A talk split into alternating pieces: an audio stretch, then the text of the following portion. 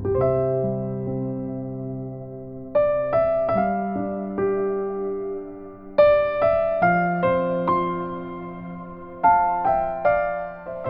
lyssnar på Evighetens podd och avsnitt 45. Dagens gäst vill hjälpa människor att få uppleva meningsfullhet i livet. Varför då? Och hur då?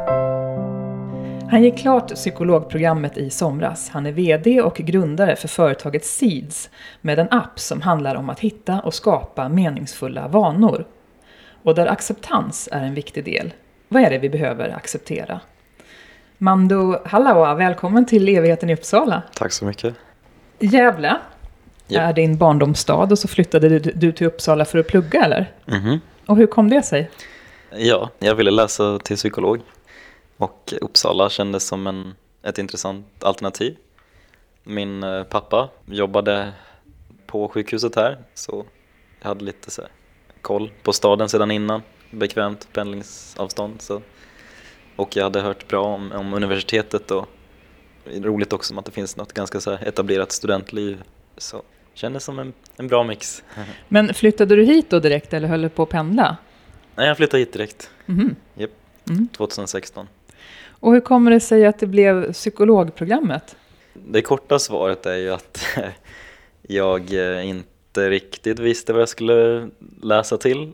Men eh, om jag ska vara helt ärlig så känner jag igen mig vid att jag har grubblat mycket på människor och varför folk gör på olika sätt. Eh, tankar och beteenden sedan ja, men, väldigt lång tid tillbaka. Och jag tror delvis att det har att göra med att jag är uppvuxen i lite olika kulturer. Så jag har en finsk mamma, en syrisk pappa, född i Sverige och har umgåtts, haft vänner från många olika kulturer. Och jag tror det alltid har fascinerat mig hur vi, hur vi kan bli så påverkade av vår miljö och i, i sättet vi beter oss och hur vi, hur vi blir annorlunda på ett sätt men på ett annat sätt är väldigt lika. Fotboll var också en väldigt stor del i, i min uppväxt och då spelade vi väldigt invandrartätt lag så jag fick se många olika typer av eh, kulturer också, vilket var spännande. Så det har funnits ett äh, människointresse där, intresse för våra beteenden Mm. sedan lång tid tillbaka. Japp. Det här kanske är en alldeles för stor fråga, men jag spontant ställer den. Alltså vad tänker du om det här med, du pratar om olika kulturer och så som du har fått insyn i så att säga och varit en del av. Mhm. Vad, ehm, vad har du för tankar om det här med arv och miljö? Ja. Vad är det som liksom präglar oss mest? Det är, en väl, det är kanske den bredaste frågan som finns. Ja. Det kluriga med arv och miljö är att det finns en annan sak som kallas för epigenetik och, och det handlar om hur, hur de interagerar med varandra. Så vi kan delvis stänga av och sätta på olika eh, liksom, genetiska sekvenser beroende på hur vi påverkas. Så, eh, har man sett nu på sistone. Så, så det, det är väldigt komplext. Det, det enkla svaret är att det går inte riktigt att svara på den frågan för att utan miljö så finns vi inte och utan gener så finns vi inte heller. Och det finns, i och med att det finns en tidsaspekt i ekvationen så går det inte att ha det ena utan det andra. Det går liksom inte att separera ifrån varandra. Det här med att du har ursprung från olika ställen. Hur skulle du säga att det svenska arvet lever i dig? Vad har du fått med dig från, Ja. från det? Hmm. Jag känner ju mig mest svensk såklart, men något jag uppskattar väldigt mycket med liksom den svenska mentaliteten om man får säga så är att det finns någon slags grundrationalitet och lite kyla i alla typer av beslut. Man brusar sällan upp sig, man tar sällan fler möten än man behöver om saker och man är ganska mån om att alla ska komma till svars. Kom, komma till tals? Kom, ja, komma till tals, exakt. Och det där kan ju vara väldigt bra i... eh, Jag, jag tänker att liksom det svenska välfärdssamhället är någon slags under av byråkrati. Och jag tror en del har att göra lite med det svenska kynnet, att man är så enormt tålmodig med byråkratiska processer. Och även vid konflikter så, i och med att det finns någon slags grundläggande konflikträdsla så dealar man med det också. Där man kanske i andra kulturer, både i Finland och i Syrien om jag tänker efter, hade hanterat saker på lite, an, lite ett annorlunda sätt. Ja. Hur lever det finska i dig?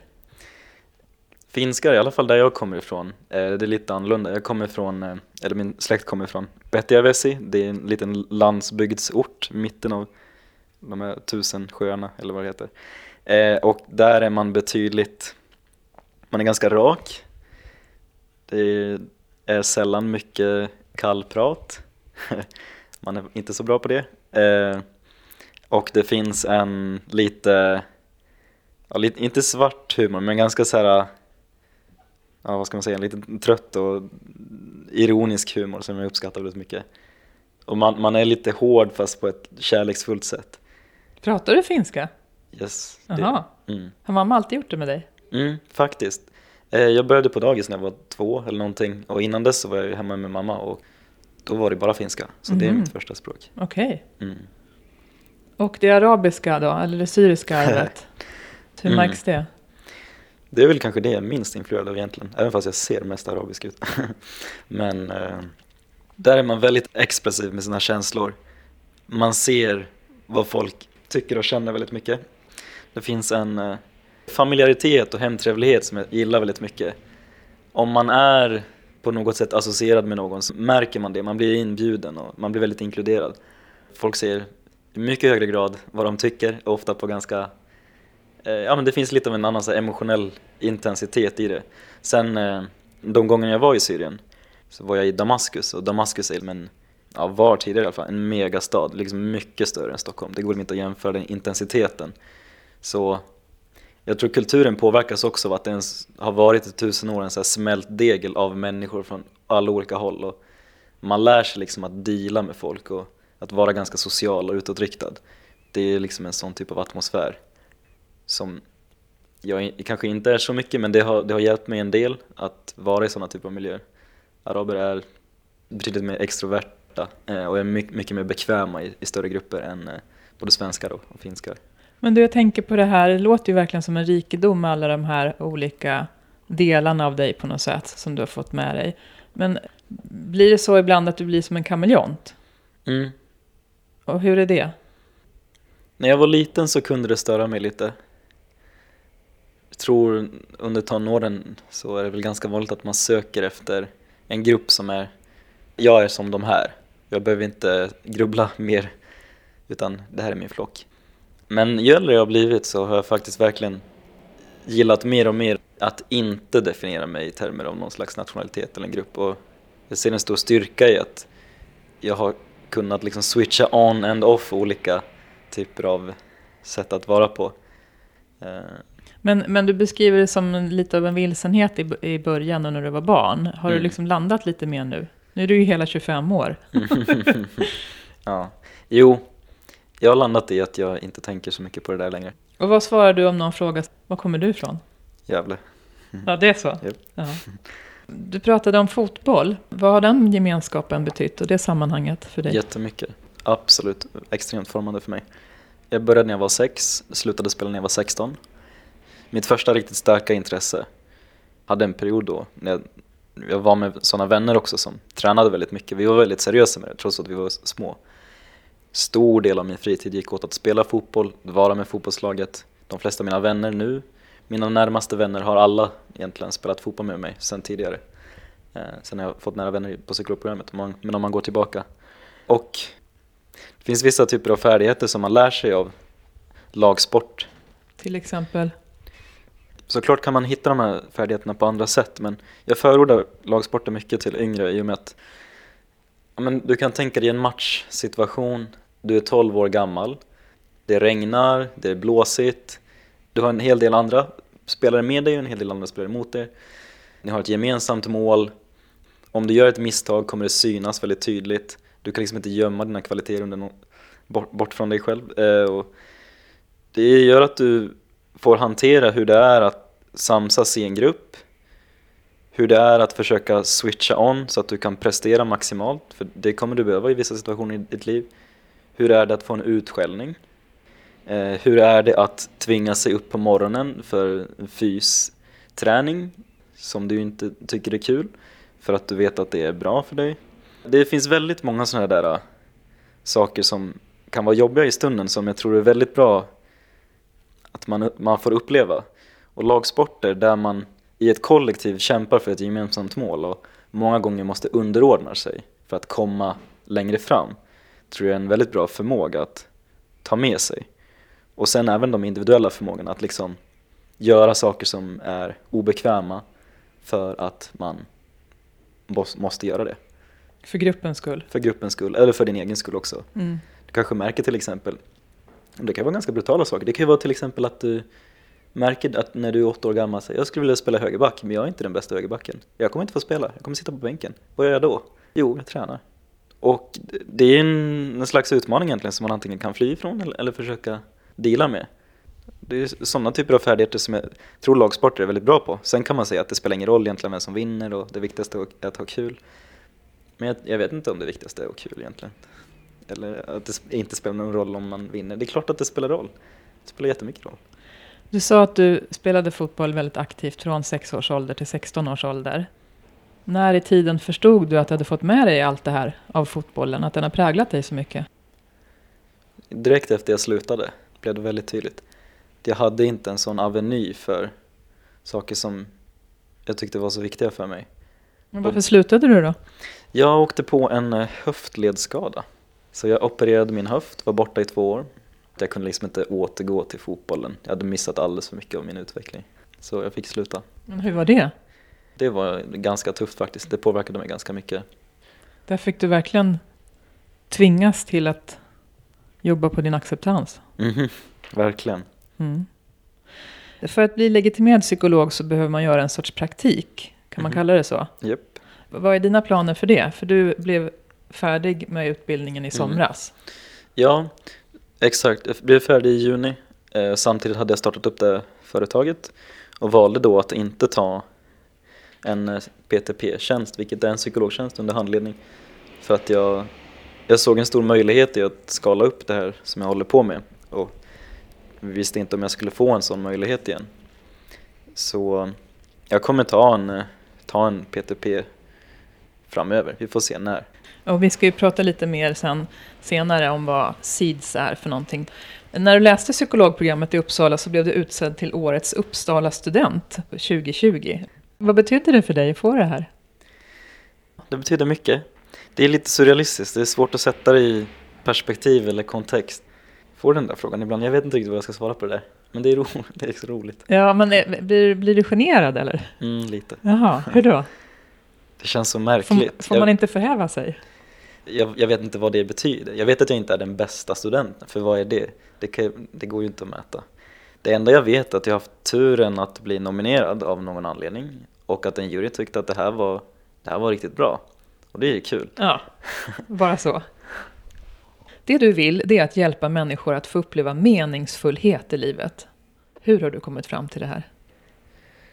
Jag tror kanske att när jag började läsa om behandling, jag hade en KBT-inriktning, så kände jag att det fanns en sådan emfas på att få folk att inte må dåligt längre. Och det finns många metoder för det. Men vi pratade väldigt sällan om större existentiella frågor. Vad får en att gå upp på morgonen? Vad ska man göra sen när man mår okej? Okay? Det här är sånt som jag har grubblat mycket på och säkert alla grubblar på. Men jag såg att det fanns lite av en lucka i marknaden om man säger så. Och sen så fanns det en eh, terapiform som heter Acceptance and Commitment Therapy som faktiskt dealar mycket med det där. Och första gången jag hörde talas om det där och sen läste in mig lite på det blev mer och mer intresserad av det, det synsättet på ohälsa som är ganska olikt traditionellt KBT-perspektiv som ja, men rimmar ganska väl med vad jag tycker är viktigt. Eller, eller hur jag ser på hur man kan leva ett liv. På vad sätt är det här ACT ett existentiellt förhållningssätt eller perspektiv? Jag tror den stora skiljelinjen mellan ACT, som är en förgrening av KBT, och standard KBT, är att KBT handlar mycket om att du har en rad symptom utifrån någon diagnos. Nu ska du försöka få bort dina symptom och så uppfyller du inte kriterierna för diagnosen. ACT handlar mer om att du har en rad symptom men ett, problem är inte bara dina symptom utan din tolkning av symptomen, hur mycket tid det tar och upptar för att försöka bli av med de här symptomen och hur stor del av ditt liv som det här, att det här är ditt livsfokus. Eh, och ett annat perspektiv på det är att försöka få till en acceptans för din situation och försöka rikta så mycket av din energi avseende saker som du inte kan förändra eh, åt någonting större, åt värderingar, det som är meningsfullt utför mer av det. Så vad är acceptans, om vi backar lite? Det är det vi inte kan förändra, eller vad? Ja, att lära sig att sitta med det. Om jag lever med kronisk smärta till exempel. Mm, mycket av det man gör då är att, nu ska inte jag sitta och säga för mycket om det, det är inte, mina, inte mitt expertisområde, men ofta handlar det om att eh, inte undvika saker. Du tenderar annars att hamna i en loop att jag har ont, alltså slutar jag göra aktiviteter som jag hade velat göra, vilket kortsiktigt gör att det känns bättre, men långsiktigt så blir du ännu mer restricted i hur du förhåller dig till livet och ondheten upptar en större del av ditt liv i och med att du har tagit bort aktiviteter som annars hade kunnat tagit fokus på andra saker. Så då är frågan, om det nu är så att du kommer ha ont hela tiden, vill du ha ont och göra saker som du tycker är meningsfulla för dig eller vill du ha lite mindre ont? Det, det finns inget självändamål med att acceptera. Det handlar bara om att så mycket som möjligt komma i kontakt med den riktiga världen, de riktiga stimuli som finns där ute och utveckla ett eh, flexibelt förhållningssätt till dem snarare än att undvika saker så mycket som möjligt för att man, man exempelvis har väldigt mycket ont. Eller bara helt prompt acceptera allting, vilket egentligen kanske är att du flyr din smärta och bara gör saker. Just det. Och varför är flykt inte bra? Flykt kan vara bra, men problemet med flykt är att det kan vara kortsiktigt belönande men långsiktigt hindrande för din utveckling inom ett område. Eh, du är VD och grundare för appen Seeds med Z som handlar om att hjälpa människor att skapa just meningsfulla vanor. På vad sätt då? Hur då? Vi hjälper dem att definiera vad de finner viktigt i livet. Vi hjälper dem att bryta ner sina värderingar till konkreta beteendeplaner genom metoder som har forskningsstöd. Och vi hjälper dem att aktivera och upprätta de här beteendena som blir vanor då om man utför dem flera gånger. Var, varje vana är representerad av en planta. När du har utfört det här beteendet, registrerat och utfört det, då växer plantan. Du kan odla andra beteenden, vilket är att du går igenom en liknande terapeutisk process för alla de här beteendeplanerna. Det, det vi går mot nu eh, är att vi har byggt, eh, här, byggt om det här till ett psykologverktyg. Så numera finns det en eh, dataanalysportal för psykologer det finns en användarmanual och det finns en metod för att arbeta med det här över sessioner. Och över året 2022 så planerar vi att utföra en serie piloter, vidareutveckla verktyget, få regulatorisk approval och eh, integrera det i sjukvård. Med förhoppningen då om att det här kan effektivisera standard beteendeaktivering, vilket är vad man ofta gör på de flesta privat eller, eller vårdcentraler för depression främst, men även för andra DSM Eh. Inom KBT så är beteendeaktiveringen en vanlig grej, särskilt för depression. Och vi tycker att det är någonting som fungerar men är alldeles för analogt och pappersbaserat och vi skulle vilja effektivisera den här processen. Visst är det så att ni har testat det här på ett gäng patienter som har just diagnosen depression? Mm. Det var innan eh, det fanns en dataanalysportal eller en manual men jag, som mitt examensarbete så gav jag det här till tre personer med depression över sex veckor och såg, i och med att det bara var tre personer så kan man inte uttala sig så mycket men det fanns begynnande tendenser på depressionssänkningar eh, utan någon handledning. Så de gjorde det för sig själva så att säga, mm. på kammaren? Ja. Och hur landade det hos dig att det fanns en tendens till att de ändå mådde lite bättre? Det var en del i vad som gjorde att vi skiftade till psykologverktyget för jag märkte att det är möjligt att det finns en klinisk potential här och om den finns, och med tanke på att skalbarheten är, så enormt stor, jag menar det finns ingen som helst handledning i appen. Den frågar frågor, den gör allting själv. Så tänkte jag att det fanns fog för att gå mer åt det kliniska hållet snarare än att försöka göra det till en masskonsumtionsapp, vilket kanske var lite tanken i början. Men får jag fråga, mm. det finns ju gott om spel där man odlar sin trädgård. Yep. Och det gör man här också vad är det som ska få människor att de håller sig kvar eller att välja den här mm. varianten?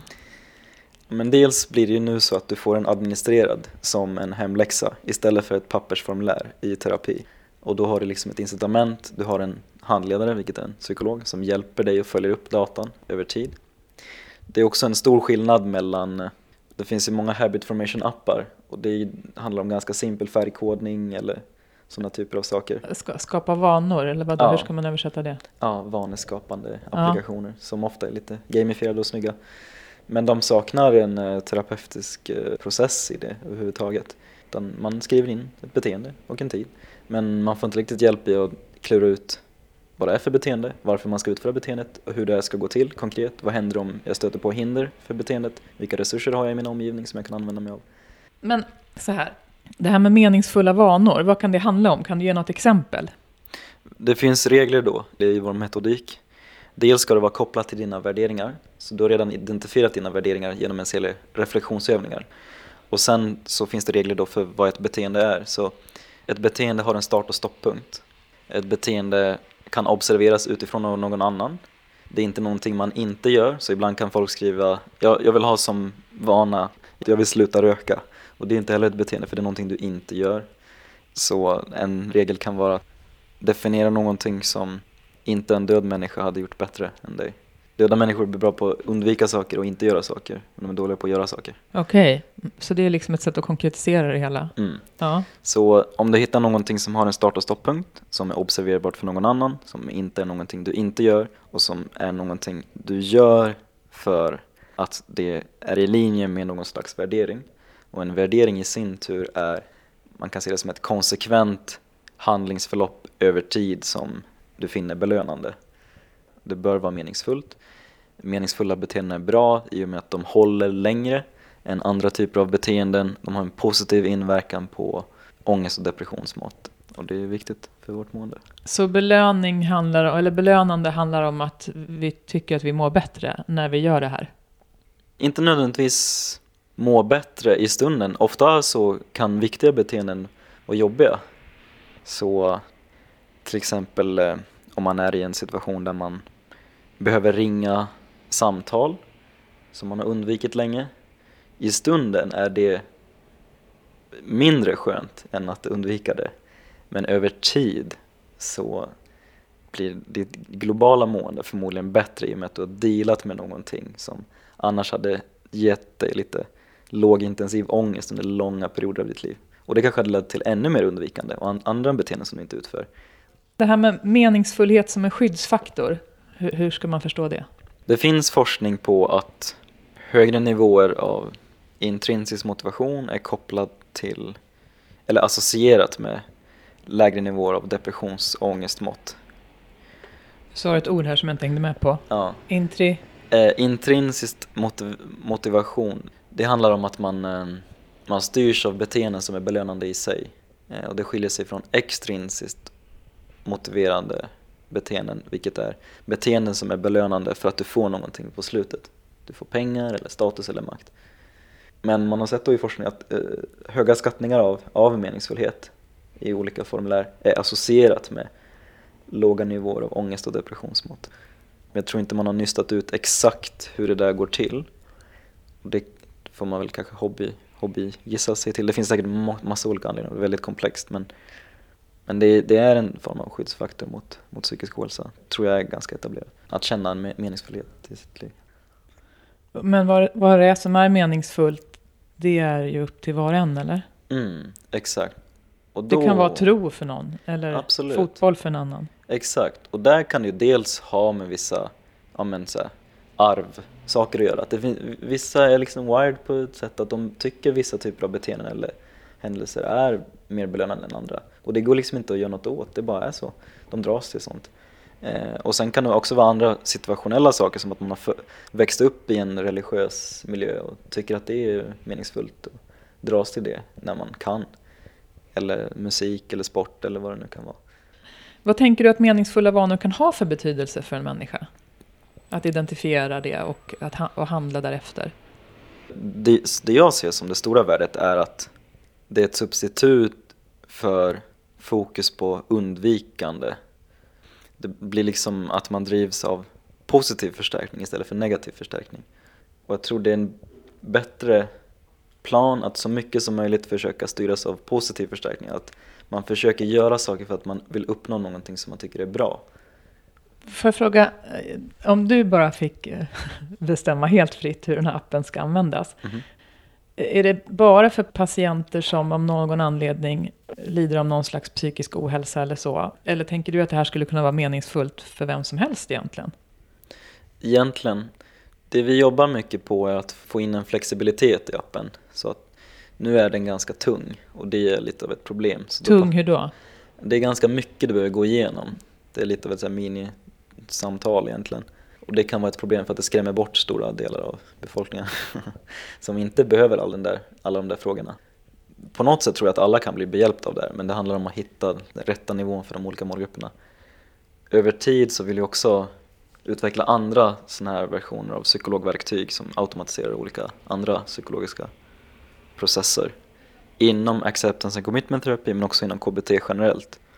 Men du ser det som ett verktyg, ett hjälpmedel, inte en behandling i Nej, sig? Exakt, mm. exakt. Vad tänker du att det här att Sverige är kanske det mest, eller ett av världens mest sekulära mm. länder, vad, vad har det för betydelse för, för ja, meningslöshets eller meningsfullhetskänslor? Det pratas en del om att människor har en religiös impuls och den behöver man, kan, man behöver inte hålla med om det men finns liksom teorier om det, om att det behöver få utlopp någonstans ifrån. Och i och med att Sverige har blivit ett sånt otroligt framgångsrikt välfärdssamhälle där många saker liksom redan är klara från födseln. Du har liksom så du klarar dig och kollektivet får du på ett sätt med dig. Du kan nästan inte dra dig ur, det är omöjligt. Någon kommer, så här, kommer komma någon från Socialstyrelsen och mata dig liksom. Jag vet inte om man kanske inte riktigt har samma strävan efter någonting som är liksom högre, något högre syfte. Och då så tänker jag väl att ett alternativ till det, om man inte är så religiös, är att man funderar på vad är meningsfullt för mig? Var, varför går jag upp på morgonen? Vad är det jag riktar min energi åt? Och kan jag göra så mycket som möjligt av det och, och bygga på det istället så att jag skapar min egen mening på något sätt. Mm. Så kan det vara ett alternativ och det kanske passar bra i Sverige då. Vi pratar inte så mycket om liksom vad, vad man bör göra för det ses som lite auktoritärt och påtvingat. Vi vill gärna inte tvinga folk att göra saker. Problem kan ju då bli att man frågar sig själv, okej okay, vad ska jag göra? Jag tror det är märkbart för unga också, delvis har jag märkt också att när man kommer ut i arbetslivet, okej, okay, jag jobbar, varför? Jo, jag behöver pengar, men vad ska jag göra med pengarna? Hobbys? Varför då? Vad är, vad är syftet med livet? Det kan låta lite mörkt, men jag tror alla tänker på det. Jag frågar ju alla gäster i den här podden, vad är meningen med livet? du som funderar så mycket på det här med mening. Jag vet inte, jag är också ingen guru, så jag har ingen aning egentligen. Men eh, för mig så handlar det väl om att jag... Det finns en serie saker jag hade velat uppleva, typ ett sätt som jag hade velat bli på. Och det finns väldigt många beteenden och situationer och grejer jag kan göra för att komma dit. Och det gör att jag ja, vill gå upp på morgonen, för jag vill se vart, jag kan, vart det kan gå det här. Så det är på ett sätt att skapa min egen mening. Det som är meningsfullt för dig, hur mycket handlar det om att hjälpa andra människor att hitta just en meningsfullhet? Inte nödvändigtvis att hitta en meningsfullhet, men jag tror att det är klart att det är viktigt för mig och egentligen för alla att man känner att man är typ behövd och att man gör nytta. Man eh, fyller ett syfte i, i ett kollektiv, i en grupp. Om vi inte får den belöningen så tror jag man mår jättedåligt. Mm. Är du där? Ja, på ett sätt så är det lite därför jag gör saker, men, men mycket handlar också om min egen mening och vad jag finner stimulerande. Men det är klart att det känns skönt att veta att jag kan ha liksom ett yrke, få betalt för saker som eventuellt kan ha en riktig påverkan på folks positiva välbefinnande. Då känner jag mig, ja, men så att, som att jag liksom är, du, är duglig, liksom, att jag gör någonting som har bra effekt. När vi spelar in det här samtalet så har beskedet kommit från statsministern om att alla restriktioner upphör den 9 februari 2022. Och nu har vi vant oss vid att hålla avstånd, jobba hemifrån de som kan. Antalet personer på begravningar har varit begränsat och så vidare. Mm. Hur länge tror du att det här kommer sitta i, du som är psykologutbildad? Det här avståndstagandet som vi har till varandra som vi har fått vänja oss vid nu? Väldigt svårt att svara på. Jag, jag tror att vi har ett ganska kort minne generellt. Jag tror att saker kommer övergå ganska snabbt. Men jag tror också att vi har vant oss vid lite hybridarbete och att man kan ta ett samtal via Zoom så att det liksom inte är något större problem. Vad gäller lite mer av en produktivitetsfaktor så kommer det bli mer och mer digitalt ändå och det har de påskyndat det. Men jag tror inte att den sociala aspekten av att vara med människor, jag tror det kommer bli ex exakt som förut. För jag tror att det är någonting mycket djupare än så. Och att det kanske blir mer extremt nu egentligen ett tag framöver. Men du tror inte att vi har blivit så här helt socialt handikappade? Vi vet inte ens hur vi ska hälsa på varandra längre? Nej, det tror jag inte. Det, det är övergående? Ja. När du pluggade så skrev du boken Like som handlar om hur sociala medier påverkar oss. Varför gjorde du det? Jag var nyfiken och jag eh, kände att det är något som är skevt här men jag kunde inte hitta någon riktigt så här, tyckte jag då, objektiv sammanställning av forskning. Så jag, jag ville försöka först sammanfatta det för mig själv och sen när jag hade gjort det tänkte jag att jag behöver göra någonting av det här. Nu är det här en hel bok, men kan du säga någonting om vad du har kommit fram till? Fynden delas in i psykologiska, biologiska och kognitiva aspekter av det. Så jag kollar på inlärningsförmåga. Det kan vara intressant i diskussioner av så här, ska barn ha mobiler i skolan, sådana grejer. Eh, biologiskt, och då handlar det mycket om huruvida man kan koppla det till ett beroende. Vad är ett beroende biologiskt? Kan man se fynd, strukturella eller funktionella i hjärnan som är lik andra typer av beroenden? Och kan man då hävda att det här är ett beroende på riktigt? Eh, och psykologiskt då handlar det om, okej okay, men hur, hur påverkar det ångest och depressionssymptom? På vilket sätt? För vilka personer? Vilka faktorer är det eh, specifikt i sociala medier som påverkar mående bra eller dåligt? Lite ja, övergripande är det typ de sakerna som boken, boken dealar med. Men det här med beroende tycker jag är spännande. Alltså det behöver inte vara något problem. Problemet är om det blockar en serie andra beteenden som du egentligen borde utföra. Men om, om det på något sätt är bra för dig att ligga och scrolla många timmar om dygnet. Hur vet man det då? Om det är bra för mig? Man kan fråga sig, om jag inte hade gjort det här, vad hade jag gjort då? Ja, och det gäller ju att komma dit också. Mm. Att överhuvudtaget ifrågasätta. Du ja. kanske måste stänga av för att ens kunna klara av att vara närvarande i den frågan. Ja, och boken handlade också inte om att säga åt folk hur man skulle göra, utan mer om att liksom, så här är det. Mm. Och jag tror att det, det, första steget är att inse att det här sker, det här är en process. Och sen så får du välja hur du ska dela med det. Mm. Och sen så finns det lite så hint om vad man kan göra. Jag menar en sak är notifikationer, eh, för det aktiverar associationer till sociala medier och det är väldigt enkelt att ta bort. Det andra är restriktioner avseende tid, så det kan finnas en trygghet i att veta att de här tiderna så använder jag sociala medier, så behöver jag inte tänka på det någon mm. annan tid. För den största enskilda faktorn till sociala mediers succé är vad då? Socialt godkännande. Alltså likes? Ja, eh, att man gör den grejen väldigt enkel och kvantitativ, vilket gör det lätt för hjärnans belöningssystem att uppfatta som en belöning.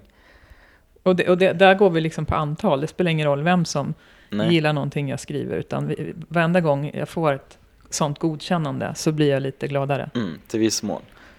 Människor är stöpta och gröpta utifrån att vara i en grupp. Det finns en serie experiment på djur där man för ett tag sedan, när man testar att inte låta dem ha en anknytningsperson till exempel och se hur det påverkar deras kognitiva utveckling. Det går inte att inte växa upp i en grupp så, så vi är väldigt orienterade till att vara med andra personer för att förstå hur vi ska fungera i sådana här väldigt komplexa sociala sammanhang. Och därför är vi också väldigt orienterade till att leta efter signaler på att vi gör någonting som uppfattas som bra. Att det ökar våra chanser för överlevnad. Och det, det som är fiffigt med sociala medier är att det är, såna, det är en poäng egentligen. Mm. Och det gör det så enkelt att uppfatta. Och det är så lätt att eh, bli belönad utav det. Att vilja ha mer och mer och mer för att det känns skönt i kroppen. Man får sköna eh, känslor. Um. Men du, det här arbetet med den här boken. Mm -hmm. Vad har det lett för förändrade hmm. vanor hos dig? jag får den, den här, frågan saken? så ofta. Ja. Alla säger, ja men du då? Ja. ja men dels gav det mig lite av ett lugn för jag känner att sen, nu har jag en övergripande blick på det här problemet. Mm. Så jag kunde sätta dig lite i, i sin kontext också.